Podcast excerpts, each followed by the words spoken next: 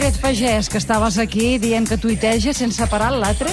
Home, sense parar no, però és prou proactiu i realment té molts seguidors. Ja dèiem, gairebé 59.000 seguidors en total i, és clar, és un personatge absolutament mediàtic, però que, a més a més, no és allò que en segueix a 4, té el seu club de seguidors infinit, ell en segueix 240, però ha publicat més de 3.000 tuits, vull dir que no és allò de tenir un de compte de Twitter per tenir-la, sinó que mm -hmm. realment és, és actiu. A més, és una teoria molt particular meva, però trobo que la gent que són humoristes, guionistes, a part del que seria el periodistes, que tenen molta més tendència a això, no? a posar l'enginy amb poques paraules i condensar la imaginació. Perquè sintetitzen més fàcilment, forma part de l'ofici. O perquè tenen, es fan el gag a sobre, saps? Vull dir que, que se'l fan a sobre, jo necessito Abans de sortir del llit ja se n'han fet dos o tres. Clar, és a dir, al matí, eh? Ells encara no tenen un escenari a mà, no tenen un micròfon, la càmera no està rodant, però tens Twitter, llavors fas un Pam, tuit i pam, et quedes amb el ja personal. està. Molt bé, va, amiga. Va, avui comencem amb una cosa que Sí, fins que no la vegi no me la creuré, però l'anunciarem perquè el concert és l'11 de maig. Parlem d'Alice Cooper i del primer concert hologràfic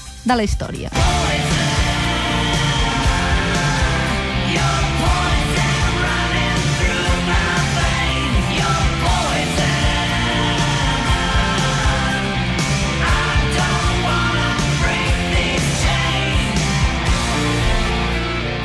Celebrar el llançament del seu recopilatori Old School del 64 al 74 i han organitzat el que serà el primer concert hologràfic en 4D, en quatre dimensions de la història.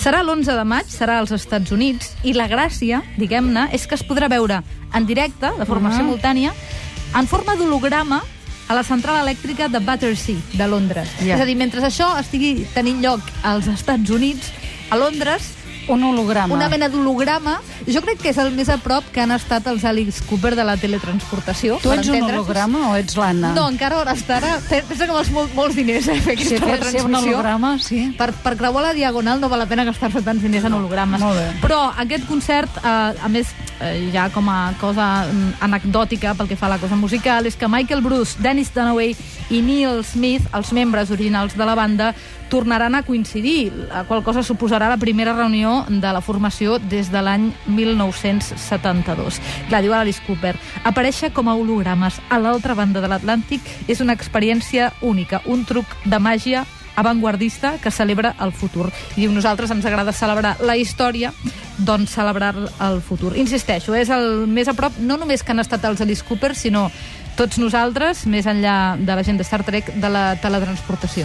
Eh? Bé, Aquest és el primer pas, a partir Molt d'aquí. bé. Tu diries que les campanyes electorals que fan amb els continguts estan teletransportats també o no? Jo diria que les campanyes electorals, si vols demà en parlem amb una mica més de calma, Que demà ho Ho analitzarem. analitzarem. De, de fet, jo vindré a parlar una mica del que seria aquesta campanya a Twitter. És un fenomen, és a dir, això fa, passa un any o fa dos anys que Sí. s'haguessin celebrat les municipals o qualsevol tipus de referèndum i no hagués estat ni la meitat de contundent que és l'aparició a Twitter de comptes de partits, de candidatures, d'alcaldes, d'alcaldables... És a dir, de cop i volta tots els departaments del premsa del món polític se n'han adonat que que Twitter és una arma carregada de futur, digue-li així.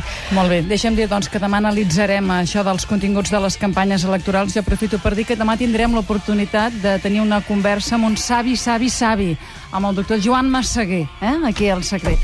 Més coses, Però Pérez Pagès. per, per petició popular, eh? perquè això ho faig per petició popular de l'equip del Secret de Catalunya esperant. Ràdio, m'han demanat i dic, doncs fem-ho, parlem-ne. Aquí va el gran enfrontament entre dos pesos pesants de la història del futbol.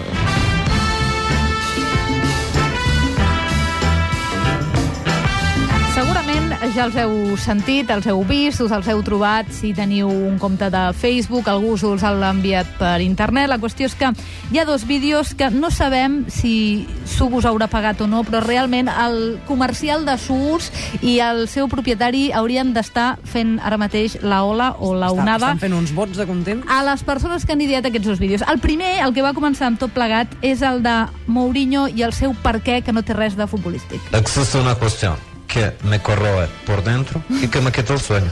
Es porque los envoltorios de los jugos de piña son azules. No entiendo nada. ¿Por qué?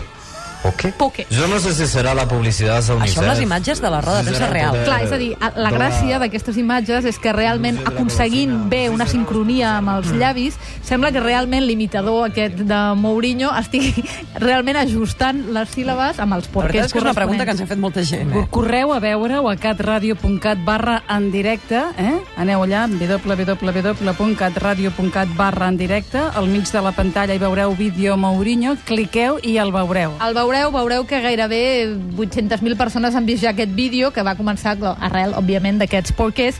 La gràcia, però, és que l'enginy no falta a internet i hi ha una mena de rèplica de, en aquest cas, Josep Guardiola, o teòricament Josep Guardiola. Buenas noches a todos. Como el señor Mourinho me ha tuteado, yo también lo voy a tutear. Me ha llamado Pep, yo lo voy a llamar Poké. No sé si está por aquí el señor Poké o está en su hotel poniéndose ciego a su bus. Esta mañana he ido al kiosco de aquí al lado con los chavales a comprar en fi, nuevos doneu-hi un cop d'ull perquè és Però més llarg. Subus paga això? No paga. No creiem, És a dir, no. la gràcia, per això dic que la viralitat a vegades funciona sense que hi hagi una voluntat comercial darrere, però li haurien Brutal, d'enviar un eh? milió i mig de sugus en agraïment. No, i a més l'encert del A la tema, persona perquè que molta gent ens hem preguntat què tenia a veure la pinya amb el color blau de tota la vida. Mira, doncs jo encara filosòficament m'havia Jo sí que m'ho havia preguntat, però una vegada coincideixo amb són blaus. Sí. No volia I- dir la marca, però ja que ho dius No, tu. sí, I clar. Mourinho deia, per què no són marrons? Que Clar, perquè no són el de color de pinya.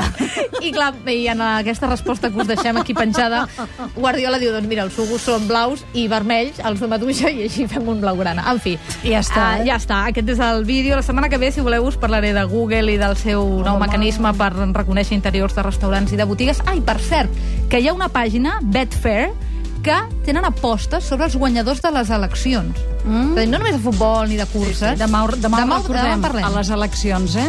Gràcies, Pérez Pagès.